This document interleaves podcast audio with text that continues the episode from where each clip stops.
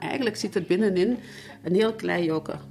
En dat durft dan een keer tegenstrippelen en dan zeggen van... Zouden dat wel doen? En zouden niet beter in die zetel blijven zitten? Mijn naam is Eline en ik werk bij Ellen Plus Ziekenfonds. In deze aflevering van onze podcast De Comeback praat ik met Joke Massaar, die tijdens het bakken van kroketten een kokende frietketel ossewit over zich kreeg. In een fractie van een seconde verandert haar leven. Het vrouw zijn, die borst, die is er nog. Maar uh, die ziet er niet meer uit. Die heeft een andere vorm, die is vol littekens. En dan moet je echt meer leren leven als vrouw. Joke heeft tweede en derde graads brandwonden aan haar gezicht, arm, buik en borst. Maar dat houdt haar niet tegen om als ambassadrice van Stichting Brandwonden lotgenoten te helpen en anderen te wijzen op het brandend gevaar om ons heen. Ah, nog een barbecue. Er wordt een pintje bij gedronken. Ah, de kinderen lopen daar rond. Maar niemand kijkt nog naar die gevaren die er kunnen zijn. Hoe ga je om met een zware tegenslag? In deze podcastserie luister ik naar het persoonlijke verhaal van gewone mensen die door ziekte of een ongeval een nieuw levenspad moeten kiezen. Een reis die een mens gelukkig nooit alleen moet maken. Dit is The Comeback. Welkom.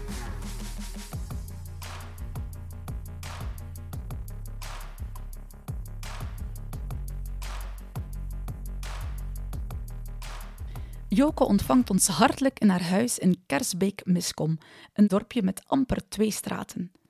Een oase van rust. Een schril contrast met wat zich hier een tijd geleden heeft afgespeeld.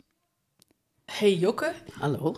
Eerst en vooral uh, bedankt om ons hier zo hartelijk te ontvangen. Aan jouw stem is het uiteraard niet te horen, maar wat is jou precies op 1 december 2018 overkomen? 1 december 2018 staat in mijn geheugen gegrift als een fatale dag. Gewoon met het bakken van kroketjes ben ik uitgegleden. En eigenlijk heb ik de frietketel van mij weg willen duwen, maar die is teruggekomen. En natuurlijk, als je kroketjes aan het bakken zet, dat is 180 graden. Dus ik heb die frietketel over me gekregen. In de eerste instantie was ik zo in shock dat je niks gevoeld hebt. Maar dan begonnen natuurlijk allemaal die kleine brandwondjes. De grote zo niet, maar de kleine brandjes begonnen pijn te doen. En dan, ja, dan ben ik toch nog bij mijn kroketten naar boven gekomen. Ik heb ze op tafel gezwierd. Mijn man heeft er nog een van opgegeten, want hij vond ze heel lekker. En probeerde nog onder de douche te raken, maar dat is me niet meer gelukt. In eerste instantie had je eigenlijk niet echt door de ernst van, jou, van, van het incident, van de, de frietketel over jou krijgen. Nee, dat klopt. Je, zet zo, je weet dat er iets scheelt, dat het niet normaal is. En, en, je ziet het allemaal gebeuren, maar je denkt van, wat heb ik nou gedaan? Maar dan begint die adrenaline, die uit eigenlijk in je bloed zit, begint weg te gaan. En, en dan komt de pure realiteit. De harde realiteit van de pijn en, en, en zeggen van, het is mis. Er is iets grondig mis. Ja. Je kunt dat eigenlijk niet omschrijven, wat er eigenlijk op dat moment gebeurt. Ja, het is ook wel een soort paniek dat je over je krijgt. Van, uh, je voelt aan je gezicht, oei, dat plakt. Je voelt aan je armen, oei, die, ah, dat, dat doet allemaal zeer. Ik, ik had dan een, een, een aan. Ja. Die was erin gebrand. Dus ik heb die allemaal zelf eruit getrokken. Oh. En op dat moment dan denk je, jee, dit gaat grondig de verkeerde kant uit. Je bent toen met spoed toegekomen op het ziekenhuis in Tienen, maar daarna werd je doorverwezen naar uh, de afdeling intensieve brandwonden van Gasthuisberg in Leuven. Ja. Hoe lang heb je daar verbleven? Eigenlijk was het voorzien uh, dat ik een twee maanden en een half zou, tot drie maanden zou moeten blijven op de mhm. intensieve. Maar blijkbaar heb ik goede genen, want uh, je kunt altijd uh, in de putteke terechtkomen. Hè. Maar die mensen zijn daar zo gespecialiseerd, die zijn daar zo hulpvaardig. Die sleuren u erdoor eigenlijk. En uh, na één maand ben ik, ben ik ontslagen. Wanneer je dan eigenlijk zo lang in het ziekenhuis verblijft, creëert dat dan een soort van band met het team artsen en verpleegkundigen dat je dagelijks omringt? Eigenlijk, als je daar nooit gelegen hebt, dan kun je je niet voorstellen hoe sterk dat die mensen zijn. Ah, elke dag met een, een, smile op hun gezicht binnenkomen. En, en ook al hebben ze misschien zelf proberen, uh, problemen. Dat zie je daar niet aan. Die zitten zo vol enthousiasme. Allee, vooruit. Hè. Nu gaan we dit doen. Allee, nu gaan we een beetje wassen. Hè. Nu gaan we haartjes een keer wassen. Hè. Dat enthousiasme, dat, die warmte, die, die, die stuurkracht die ze hebben. Om je eruit te trekken. Want zij weten even goed of misschien nog beter, als jij die daar ligt, wat er eigenlijk allemaal in je omgaat. Ja. Welke angsten dat je moet overwinnen, de onzekerheden. eh, alles, alles, zij vangen dat op. Ik heb het meeste eigenlijk gehad aan de verpleegster zelf, die s'avonds naast mijn bed kwam zitten en, en vroeg van, vertel het nu eens. Waarom zou dit en waarom zou dat? En vertel die problemen eens. Weet je? En dan is precies een, een slot dat ze opendraaien en dan komt het daar allemaal gelijk een vloedgolf uit. En dat is wat iedereen nodig heeft. En met een ene mens is dat snel en met een andere mens is dat later. Maar het moet er ene keer uit. Want je kropt alles op en je zet... Ja, van, van een muis maakt je een olifant op laatste en dat is niet de bedoeling daar. Hè. De bedoeling is dat je dat op een comfortabele manier, met zo weinig mogelijk pijn en zoveel mogelijk steun, erdoor komt. Hè. Ja. Is er eigenlijk een moment geweest in je revalidatieperiode of kort na het ongeval met de frietketel waarop dat je het misschien even niet meer zag zitten? Ja, dat is er inderdaad geweest in het ziekenhuis. En ik moet eerlijk toegeven, als ik thuis ben, is het ook een paar keer gebeurd. Op een zeker moment kwam dat op en de verpleging was juist daar met de medicatie toe te dienen. En toen heb ik ook tegen dat, dat meisje gezegd van oké, als je het nu laat staan, de medicatie, pak ik alles in. Ik, ik ben altijd iemand geweest die heel optimistisch was, maar op dat moment zag ik geen uitweg meer. Ik zat totaal diep. Een put is snel gegraven, maar je raakt er niet makkelijk uit. Gelukkig voor Joke kon ze op dat moment rekenen op de verzorgers van de gasthuisberg. Die praten met de hart en ziel op haar in. En ze komt ook in contact met andere brandwondenpatiënten op de afdeling, die er vaak erger aan toe zijn. Maar dan denk je, oh my god, wie ben ik voor zo te klagen? Eigenlijk, ik heb niks te klagen. Ik zie er nog, allez, dacht ik toch, redelijk goed uit. Dus, uh, en ik, niet heel mijn lichaam is verwond, zijn maar stukken. En, en je dat die molen begint te draaien en te draaien en te draaien. En dat kunnen twee richtingen uit. Ofwel zeg je van, oh, ga hem. Hè? Met een eigen ik en ik zie er niet meer uit en ook dit, ook dat. Maar aan de andere kant zeg je, misschien zie ik er nog wel goed uit. Als ik me vergelijk met die andere mensen. En het uiterlijk is niet altijd van belang, maar het, is, het heeft toch een groot stuk impact op, op de mensen rond u. Joke is in de eerste dagen en weken na het ongeval vooral blij dat ze nog steeds kan zien, want ook haar ogen waren aangetast. Daarna komen de zorgen over de andere brandwonden. Naast die fysieke pijn is er natuurlijk ook nog dat mentale aspect. Um, ja, je lichaam ziet er niet meer uit zoals het voorheen was. Hoe was dat toen voor jou? Bij mij was dat een harde dopper. Het is niet omdat ik een modepop was of hetzelfde, of altijd moest het beste gekleed zijn, maar ik terug zorg voor mijn lichaam. Ja. En dat was voor mij belangrijk, om dat op een mooie manier kunnen ouder uit worden. En ja, dit krijgt, dan sla je terug. Hè? Want uh, elke morgen als je een douche pakt, of elke morgen als je in de spiegel kijkt, dan ziet het. Dat lichaam, dat is anders. Dat is anders dan dat je gewend bent. En dat is eigenlijk heel moeilijk om mee om te gaan. Want in mijn gezicht valt het heel goed mee, mijn littekens. Maar ik zie meer als iemand anders ziet. Ik zie constant, daar zit een plek, daar zit een plek, daar zit een plek. Hè. Aan mijn armen, ja. Gelukkig, gelukkig is onderaan mijn armen. Hè. Ook tegen de zon nu. Dus het is bescherming. Het, is ook, het valt niet op. Maar natuurlijk, het vrouw zijn, die borst, ja, die is er nog.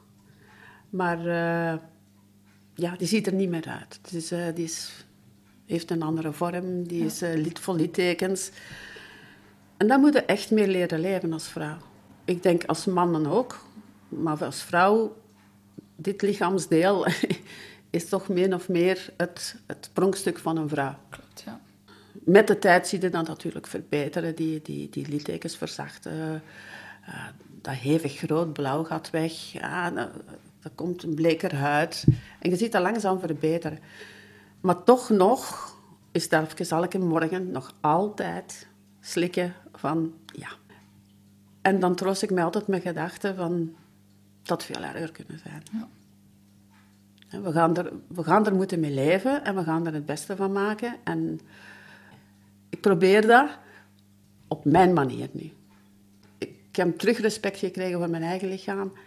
Ik heb, zoals ik al zei, terug leren mijn leven. En ik heb ook die stap gezet naar ROB toe, de regionale zender, voor de remake, onder, onder leiding van Els Debo. Ah, mooi. Ja. En uh, daar mezelf terug blootgeven, want dat was ook in lingerie. Ja. Dat was een harde dobber, dat durf ik eerlijk zeggen. Zolang als ik gekleed ben en, en normaal ben en niks moet laten zien, gaat dat allemaal wel. Maar daar moest ik dus in lingerie. En daar heb ik wel, uh, dus, ben ik een beetje ingestort. Ja. Maar dankzij die mensen en Els, vooral Els, heeft me ook zo gesleurd en die heeft gezegd van oké, okay, desnoods ga ik zelf in lingerie naast die staan. maar dat wou ik niet doen, want uh, dan het, was het te groot verschil. maar als je nu hoort wat een impact dat eigenlijk heeft. Want mensen zeggen, ah, ik heb je op televisie gezien, ik heb je op televisie gezien. Wauw, je hebt dat toch goed gedaan. Dan ben ik vier. En dan denk ik, dat is weer een mijlpaal hè, dat ik gepakt heb. En zo is elke stap een mijlpaal. En in het begin lijkt die onoverkomelijk, maar hoe korter dat je daarbij komt en hoe harder dat je dan werkt, dan ligt dat maar een klein opstapje meer. Een andere mijlpaal voor Joke was het ontsnappen aan de beschermde thuisomgeving waarin ze maanden had vertoefd. De eerste stap en de moeilijkste stap is terug die stap naar in, de maatschappij zetten. Want je bent in een cocoon geweest op de intensieve. Ze hebben nu gepamperd, ze hebben nu verzorgd, ze hebben nu zelfs eten gegeven als niet konden. Je mocht geen kick geven of ze waren ter plaatse. En dan kom je in de harde realiteit de eerste keer dat ik mee buiten ging, moest ik uh, mee naar het kaartspel, omdat ik ook een, een vervente kaarter ben. Mm. En uh, de toernooien die dan georganiseerd werden, daar ging ik mee. En ik wou niet, omdat ik eigenlijk schrik had van... Wat gaat er allemaal gebeuren? Hoe gaan de mensen me aankijken? En dat is ook zo, maar de mensen... Dat is onbewust. Als, als jij iemand ziet doorkomen met die mangt of, of zijn arm in, in, in, nog gewoon in het gips draagt dan kijk je ook onbewust. En dan, dan gaat er in je kop rond van, god, wat heeft die mens voor gehad? Weet je? Maar op die moment denk je zo niet. Dan zeggen ze, wat gaan ze allemaal van mij zeggen? Ze gaan me allemaal in het oog pakken. En, en oh, ik durf niet en durf niet. En dan moet ik, godzijdank, met een man, die heeft me echt vastgepakt en gezegd, je kleed je aan en je gaat mee. Je gaat je laten zien. Je moet die drempel over. En natuurlijk kom je dan binnen en iedereen vliegt naar je toe. En, uh, en hoe is het ook? En, oh, het zal wel in orde komen. En als er iets is, belt dat maar. En, en echt, je bent zo gelukkig op dat moment. Op dat moment voelde je ook zo... Uh, in een warm nest komen. Echt bezorgdheid. En dat pakt. Ja. Doe me nog altijd iets. En dan moet je door. En dan komt er natuurlijk, dan is je eerste stap, mensen die je kent. En de volgende stap is de wijde wereld. Hè. Mhm. En dan ga je winkelen. En dan zijn er inderdaad de mensen die misschien van vroeger al gezien hebben, of misschien ook niet. En die kijken, kijken nu dan. En dan zitten die kopjes naar elkaar gaan en babbel, babbel, babbel. En dan denk je, oh nee, waarom? Waarom kan niemand niet normaal doen? Ik, mhm. ik ben toch nog Joka.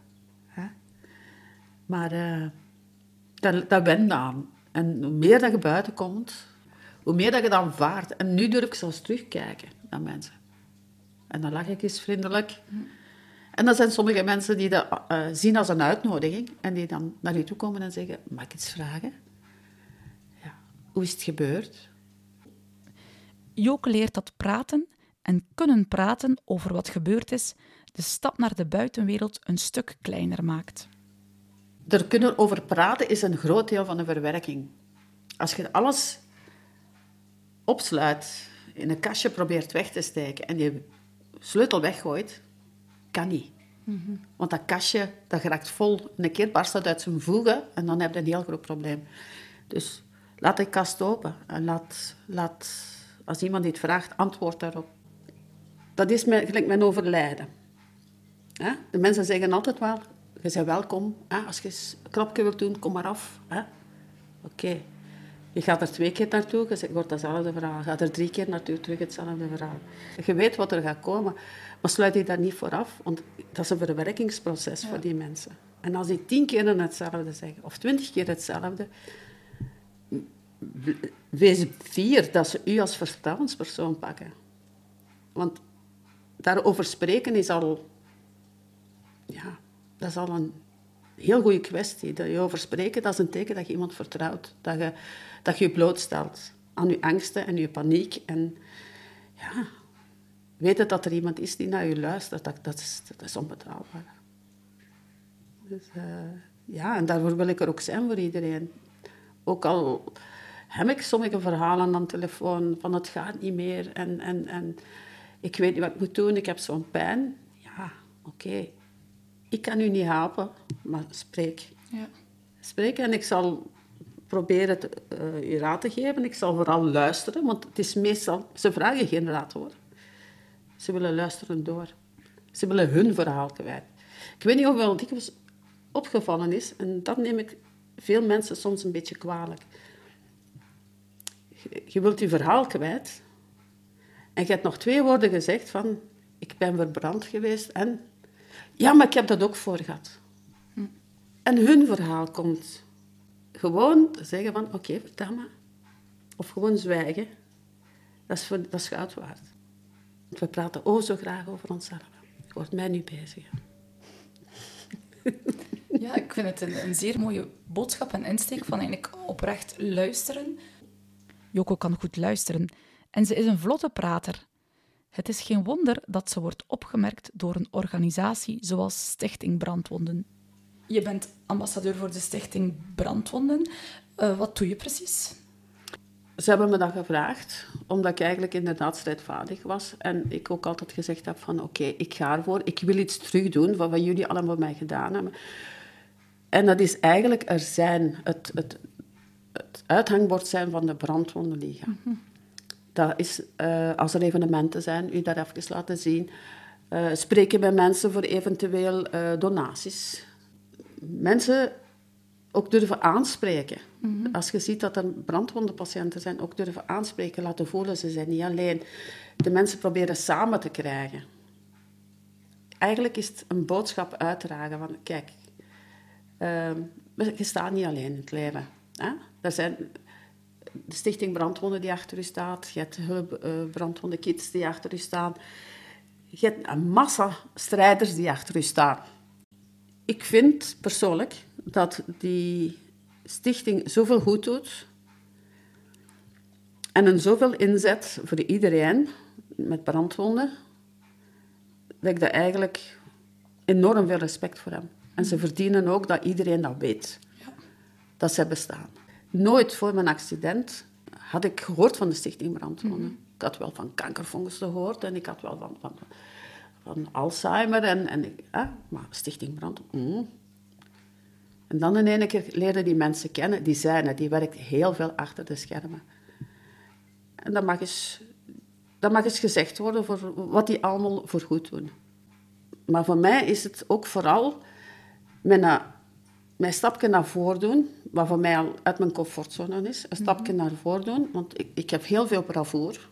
En ik kan kan me heel sterk voordoen, maar eigenlijk zit er binnenin een heel klein jokke. Ja. En dat durft dan een keer tegenstrippelen en te zeggen van, zouden dat wel doen? En zouden niet beter nu in de zetel blijven zitten? Hè? Nee, we gaan ervoor. En ze gaat er ook voor. Joke brengt mensen samen en organiseert infodagen om de problematiek rond brandwonden meer rugbaarheid te geven. Ze hecht veel belang aan preventie.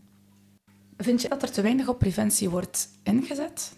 Ja, absoluut. Volledig mee akkoord. Er zit altijd wel ergens iets wat, wat, wat, wat gevaar brengt. Ah, we gaan barbecuen.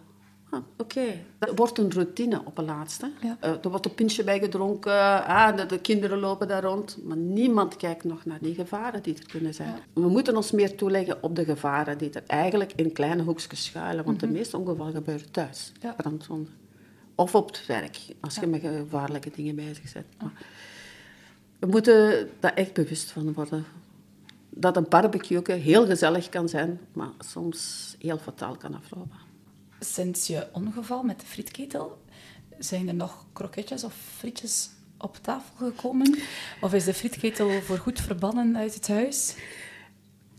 Pardon, ik moet zeggen, de eerste drie jaar is die frietketel niet meer uit, uit zijn verpakking gekomen. Ik kom er nog altijd niet rond. Ja. Als ik een frietketel zie, dan kruipen letterlijk mijn haren omhoog. ja. En dan moet ik uit de buurt. Dat is een, een, ik denk een normale reactie, ofwel een, een panisreactie, ik weet het niet. Maar eh, dat, heeft dat ding heeft me te veel ellende bezorgd en pijn. Nu pak ik mijn man terug van onder frietjes. Ik kom ook niet in de kelder, zolang dat hij bezig is. Maar meestal ga ik ze wel halen. ja. En dat is heel gemakkelijk. Hè? Ondertussen kun je al, dat je naar huis rijdt, eentje binnensteken. Ja. En ja, nee, ik, eh, ik kom daar niet meer langs. Dat is een dure les geweest. En ik probeer ook iedereen in mijn omgeving erop op te wijzen. Van, pas op mannen, pas op mannen. Ook met die vuurtjes. Ah, als de kinderen rondlopen, in de winter van die vuurtjes, elektrische vuurtjes. Dus eh, echt, in alles zie ik nu een potentieel gevaar. En ik ben dan ook rap van te zeggen, mannen, pas op, want hè, dit, of let op de kinderen, of... of ah. ja. En dan denk ik in mijn eigen, is weer daar, hè, bij de gezaag. Maar hopelijk steken de mensen daar iets van op. Ja. Eigenlijk is dat, zou het niet mogen, want dat bepaalt een stuk van je leven. Maar het panissen is er vanaf. Joke heeft de voorbije jaren stappen gezet. Maar dat heeft ze niet alleen gedaan. Ze heeft heel wat hulp gekregen van haar omgeving, van haar man, moeder en schoonmoeder. Je sprak al van je man, die een grote steun was voor jou. Ja. Misschien kijken we soms, en dat bedoel ik zeker niet slecht, te vaak en alleen maar naar de brandwonde patiënt. Maar hoe kunnen we de omgeving van een brandwonde patiënt beter ondersteunen? Die worden dikwijls vergeten. Dat is, dat is echt waar. Want eigenlijk, die mensen die hebben een even grote lijdensweg, als ik het zo mag zeggen, als, als jezelf. Die moeten ook leven met dat ander lichaam. Die moeten ook leven met die andere mentaliteit. Die moeten ook leven met al wat er zich rondom u afspeelt. Want zij zijn voor een stukje een buitenstaander, die toch maar moet gereed staan voor als een ander roept. En zij moeten u voortduwen. Zij moeten u eigenlijk niet alleen duwen, sleuren, eigenlijk voortstampen op zekere momenten. Omdat je zo in de put zit, dat je zegt van, no way, voor mij hoeft het niet meer. Hè? En dan heb je iemand nodig die achter u staat. En daar moeten wij zeker ook aandacht voor hebben. Want iemand die wordt nogal dikwijls vergeten. Komt er bezoek, dat is maar een simpel voorbeeld. Je zit in je zetel of je ligt in je zetel. De mensen zijn tegen u bezig. Maar er is nog nooit iemand die aan, aan de echtgenoot of, of, of de partner van, van, van, de, van de getroffene gevraagd heeft, en hoe is het met u? Ja. Want dat is maar natuurlijk. Ze moeten er zijn, dat is maar normaal. Nee, niks is normaal. Het is meer als, als dat eentje die daar ligt alleen. Hè. Het is een heel... Wat er allemaal rondhangt. En, en, ja, dat is heel erg dat we die mensen vergeten. Heel erg. Ik heb dat al door, doorlopen. Ik heb die berg moeten opgaan. En ik kon dat niet alleen. En er was altijd iemand naast mij. Meerdere mensen naast mij. Want zo alleen kun je het niet. Alleen kun je het gewoonweg niet. En mensen die alleen staan, die wil ik helpen. En het is daar waar ik me voor engageer. We zijn nu bijna vier jaar verder. Wat zijn jouw plannen voor de toekomst? Dat is een goede vraag. Eh, ja, een grote droom, mijn grootste droom is eigenlijk ooit hier een huis kunnen te openen. Waar, je, waar mensen een verhaal naartoe kunnen met lotgenoten. Dat hoeft niet groot te zijn. Een tasje koffie, een speculaasje erbij, Ja. een zetel. En mensen die, die, die hun verhaal nergens kwijt kunnen. Die zich opsluiten. Die eigenlijk uit dat iso- isolement halen en, en gewoon laten voelen van kom maar af. Hè. We zijn er voor u. We luisteren naar u. En eventueel, als je nog een beetje centjes moest over zijn, misschien één keer per week of om een specialist, een kinesist of een therapeut, dat mensen die het financieel niet echt gemakkelijk hebben, ook eens een verlichtende massage kunnen krijgen. Dat is mijn grote droom. Een mooie droom. En Joke heeft ook nog een mooie boodschap voor lotgenoten. Wat er ook gebeurt, hoe erg dat je ook getroffen bent, je komt er altijd wel door hoor. Dus uh, wat ooit een muur lijkt, dat gaat een klein drempeltje worden. Met de juiste hulp, de juiste steun en durven erover praten. En uit je isolement komen. Het heeft geen zin alleen te blijven zitten kniezen. De zon schijnt voor iedereen. Met deze mooie woorden sluit ik ons gesprek af. Hartelijk bedankt, Joke, voor de tijd dat je vrijmaakte om je verhaal met ons te willen delen. En uh, ik ben zeker dat we nog verder van jou zullen horen. Bedankt alvast. Oké, dankjewel. Jullie zijn ook bedankt. Dit was een aflevering van The Comeback, een podcast van LM Plus Ziekenfonds. Joko Massaar revalideert van tweede en derde graads brandwonden.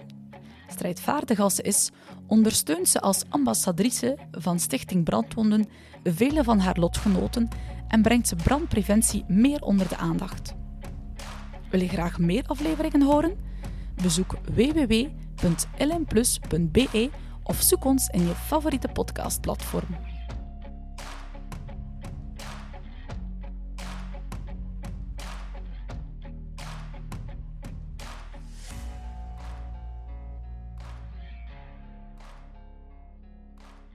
Wie je ook bent, wie je ook wil zijn.